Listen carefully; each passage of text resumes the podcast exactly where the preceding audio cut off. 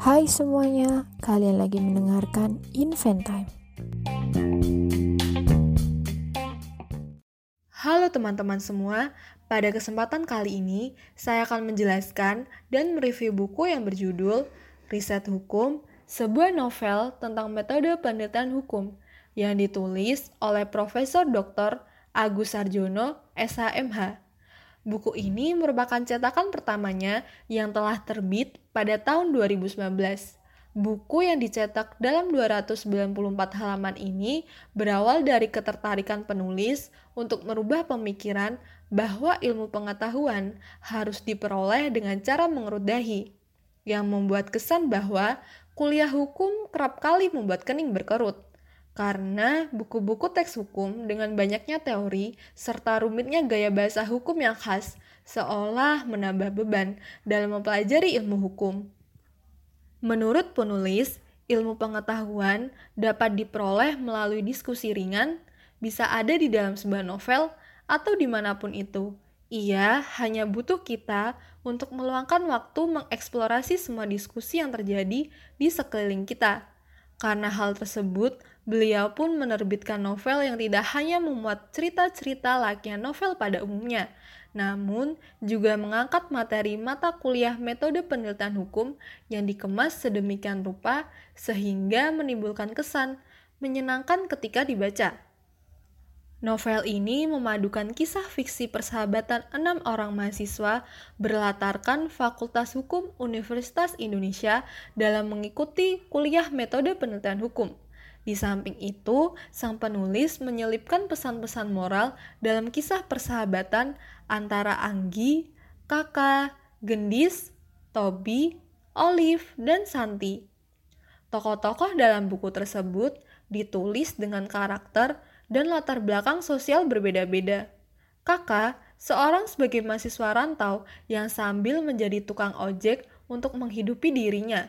Santi yang membantu ibunya berjualan di warteg sepulang sekolah. Di saat yang sama, ada Olive dan Anggi, sahabat mereka, yang merupakan anak pengusaha kaya.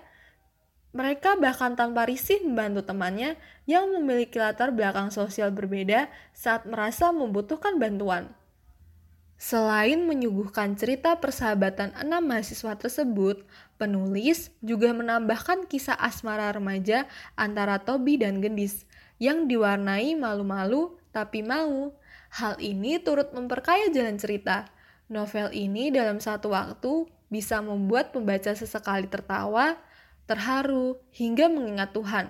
Hal ini dikarenakan pengemasan novel yang sangat apik sehingga sangat berdekatan dengan realita para pembaca. Di sisi lain, sang penulis menyelipkan pula kritiknya tentang dunia pendidikan. Tak ketinggalan, tokoh fiksi lainnya bernama Pak Brata yang hadir sebagai dosen pengampu mata kuliah metode penelitian hukum. Uniknya, novel ini juga memuat catatan kaki untuk merujuk sumber informasi ilmiah yang dikutip oleh penulis dalam alur cerita karena novel ini pun merupakan naskah akademik yang harus memuat sumber serta literatur di dalamnya. Dengan gaya bahasa yang ringan, penulisan yang baik, jalan cerita yang menyenangkan, serta tidak melupakan unsur akademisnya, novel ini sangat mudah dipahami dan memberikan pengalaman atau sensasi baru dalam mempelajari mata kuliah metode penelitian hukum.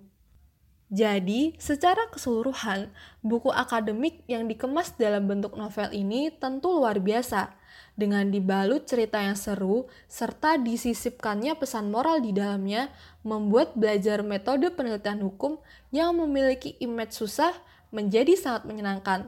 Sehingga buku ini sangat direkomendasikan bagi pembaca, khususnya mahasiswa yang akan atau sedang menempuh mata kuliah metode penelitian hukum. Sekian review buku dari saya. Semoga review buku ini memiliki manfaat bagi teman-teman semua. Terima kasih.